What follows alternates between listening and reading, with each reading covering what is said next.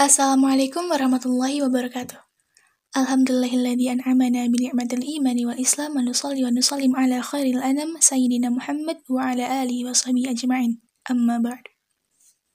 Hello, pendengar setia podcast Bumi Langit kita. Gimana kabarnya? Semoga baik-baik aja ya. Jika belum diizinkan untuk baik, semoga dalam keadaan hmm, biasa-biasa aja. Pekan lalu, aku sempat nih membuat Q&A di story Instagram, dan ada nih sebagian dari teman-teman yang isi kayak gini. Berubah menjadi lebih baik di lingkungan yang buruk is another level of success. Wah, ini menarik nih kalau misalkan kita bahas di sini. Kenapa? Karena kalau misalkan kita stay taat kepada Allah di tengah lingkungan yang gak mendukung kita, itu tuh sukses dalam artian dalam level yang tinggi itu, dalam level yang lain gitu. Karena iman kita juga diuji banget di situ. Tapi ketika kita mencoba untuk taat pada aturan Allah, maka Allah akan menggiring kita menuju lingkungan yang menjadikan kita istiqomah dalamnya. Dalam hadis juga disebutkan bahwa sesungguhnya jika engkau meninggalkan sesuatu karena Allah, niscaya Allah akan memberi ganti padamu dengan yang lebih baik. Kemudian muncul pertanyaan, kenapa sih kita tuh harus berhijrah? Kenapa sih kita tuh harus pilih-pilih teman? Kenapa sih kita tuh harus berada di lingkungan baik? Dan temen yang baik itu yang kayak gimana sih? Nah, di sini aku bakal coba bahas. Jangan lupa untuk simak sampai akhir, oke? Okay? Poin yang pertama adalah, kenapa kita harus berhijrah? Why? Imam Syafi'i rahimahullah menggambarkan dalam syairnya yang sangat indah bahwa air yang tergenang akan busuk, sementara air yang mengalir akan bening dan jernih. Seandainya matahari terbit di ufuk timur, niscaya manusia akan bosan dan stres. Yap, benar. Hijrah adalah sebuah keniscayaan, sebab dalam diam tersimpan bermacam keburukan.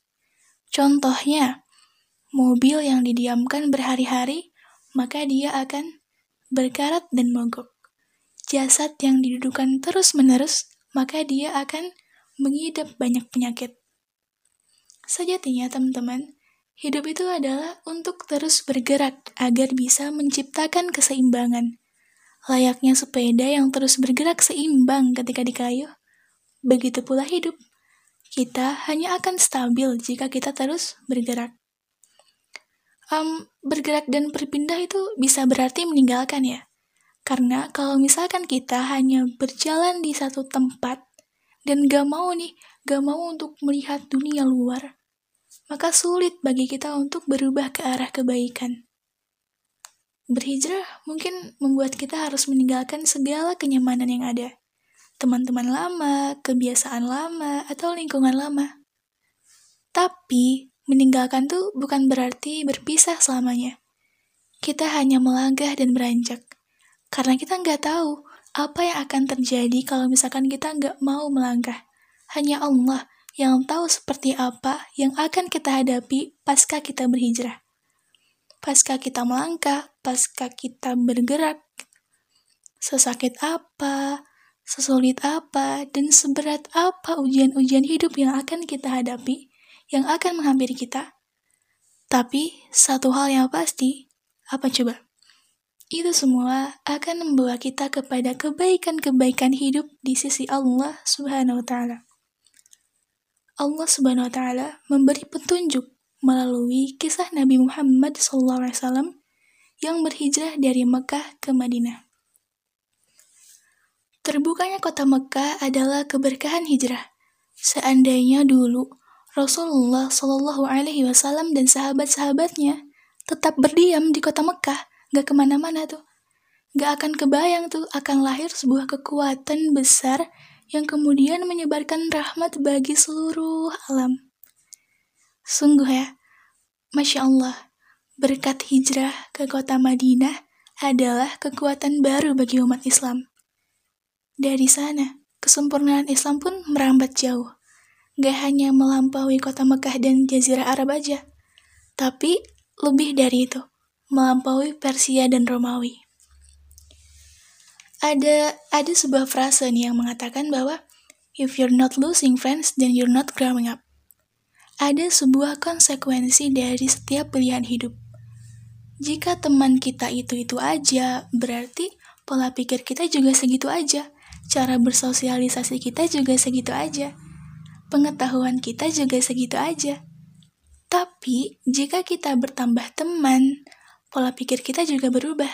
Cara bersosialisasi kita juga berubah. Dan pengetahuan kita juga ikut berubah. Yap, kalau misalnya kita mau berubah, teman kita juga harus berubah.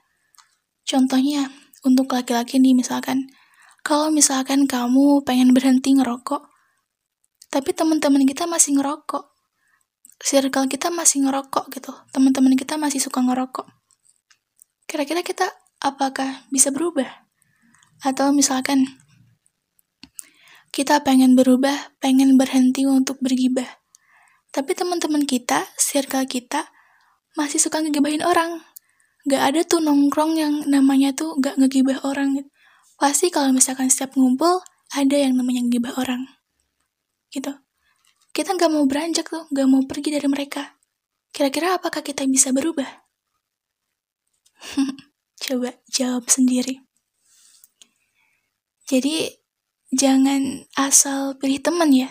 Teman itu dipilih Jangan memilih teman yang bisa membuat kita nyaman, tapi pilihlah mereka yang mampu memaksa kita untuk berkembang. Teman yang sesungguhnya itu, dia menarik kita pada sebuah keadaan. Jika kita ingin berubah, carilah teman yang baik.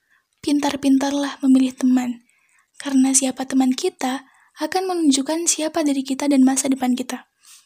Kata Rasulullah, Ar-rajulu ala dini khalili falyandur ahadukum man yukhalil.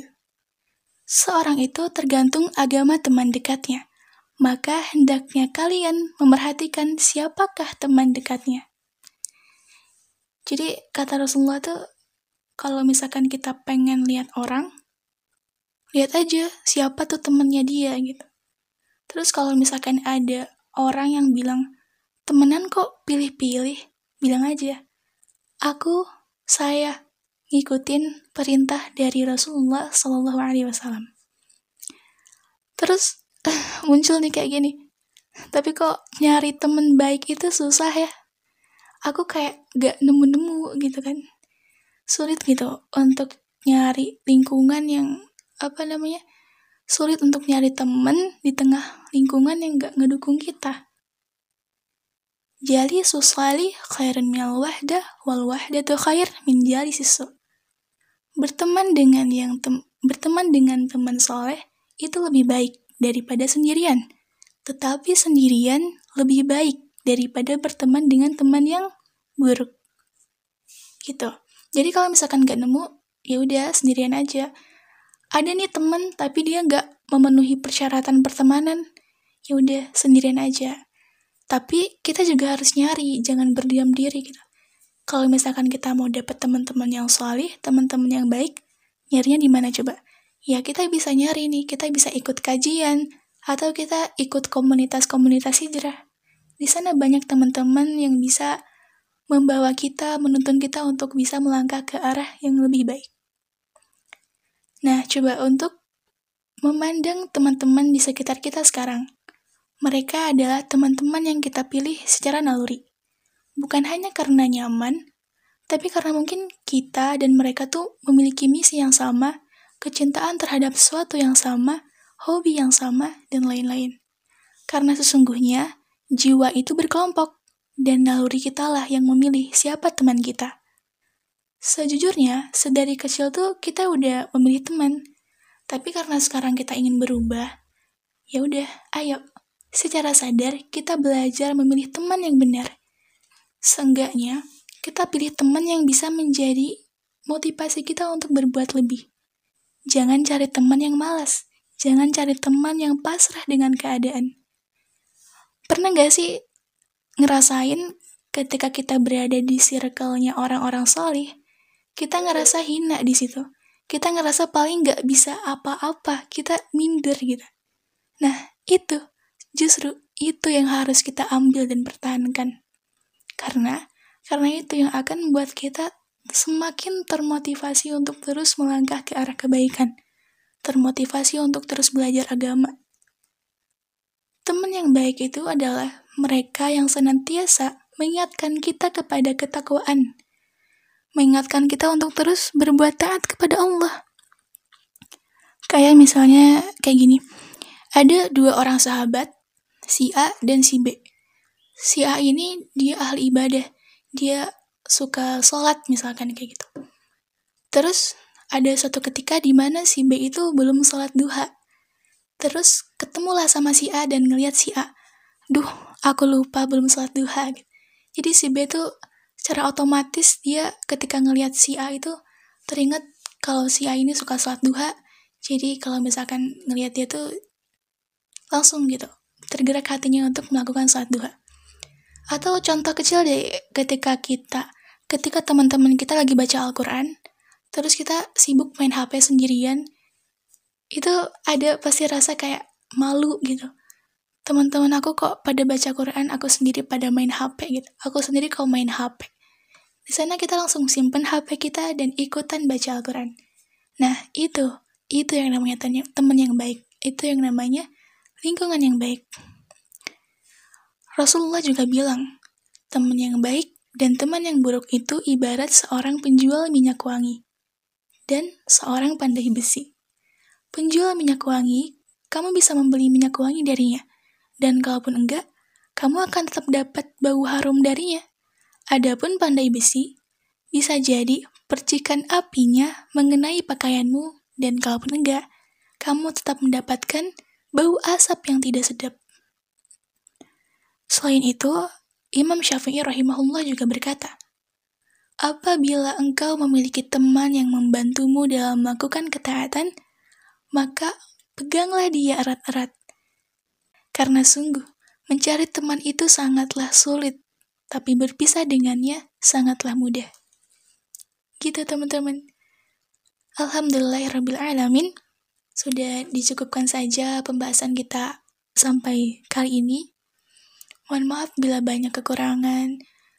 Kalau misalkan benarnya mutlak dari Allah, kesalahannya mutlak dari diri sendiri. Terima kasih ya sudah mendengarkan sampai akhir. Jangan lupa untuk share ke teman-teman. Semoga kebaikannya gak nyampe di kamu doang.